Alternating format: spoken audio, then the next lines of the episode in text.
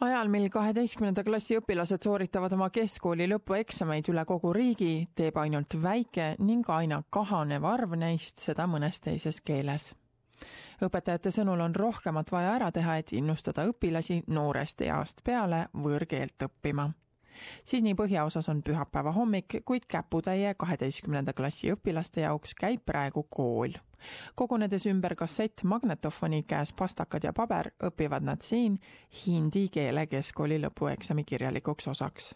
जब हम अंग्रेजी सीख रहे थे तो हमारे मास्टर साहब हिंदी का एक भी शब्द बोलने पर सजा देते थे इससे हम सबके मन में यह विचार पक्का हो गया था कि अंग्रेजी ही शिक्षित लोगों की भाषा है Surbi Malik on viieteistaastane õpilane selles hindi keele koolis. ta ütleb, et kuigi ta peab enda austraallaseks, on ta ka Indiast pärit I've also got India, which is a big part of my life because I grew up in an Indian family.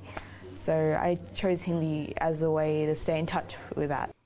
Teine õpilane, seitsmeteistaastane Rishab Malmotra ütleb, et tema arust tuleb hindi keelde panustamine talle tulevikus äritegevuses kasuks. I am thinking of doing a business degree and as you know that India is the fastest growing major economy, so learning Hindi would give me some advantage neli aastat tagasi märkis Austraalia valitsuse poolne arengukava nimega Austraalia Aasia sajandil hindi keele prioriteetseks keeleks, kuid Surbhi Malik ja Rishab Malhotra on kaks kõigest kahekümnest õpilasest, kes üle kogu New South Walesi osariigi hindi keelt vanemas tasemes õpivad IABBV hindi kooli looja Mala Mehta sõnul pole piisavalt hindi keele õpilasi, et tavakoolitundide ajal keeleklasse pakkuda. Governments need to give incentives to school children to study a language other than English because Australia is very multicultural now and uh, till the base is strong in languages from primary school onwards, it's not going to reflect in high school. IABBV Hindi kool on üks mitmest programmist, kes saab osariigi valitsuselt toetust, et kooliõpilastele väljaspool kooliaega kogukonna keeleklasse korraldada.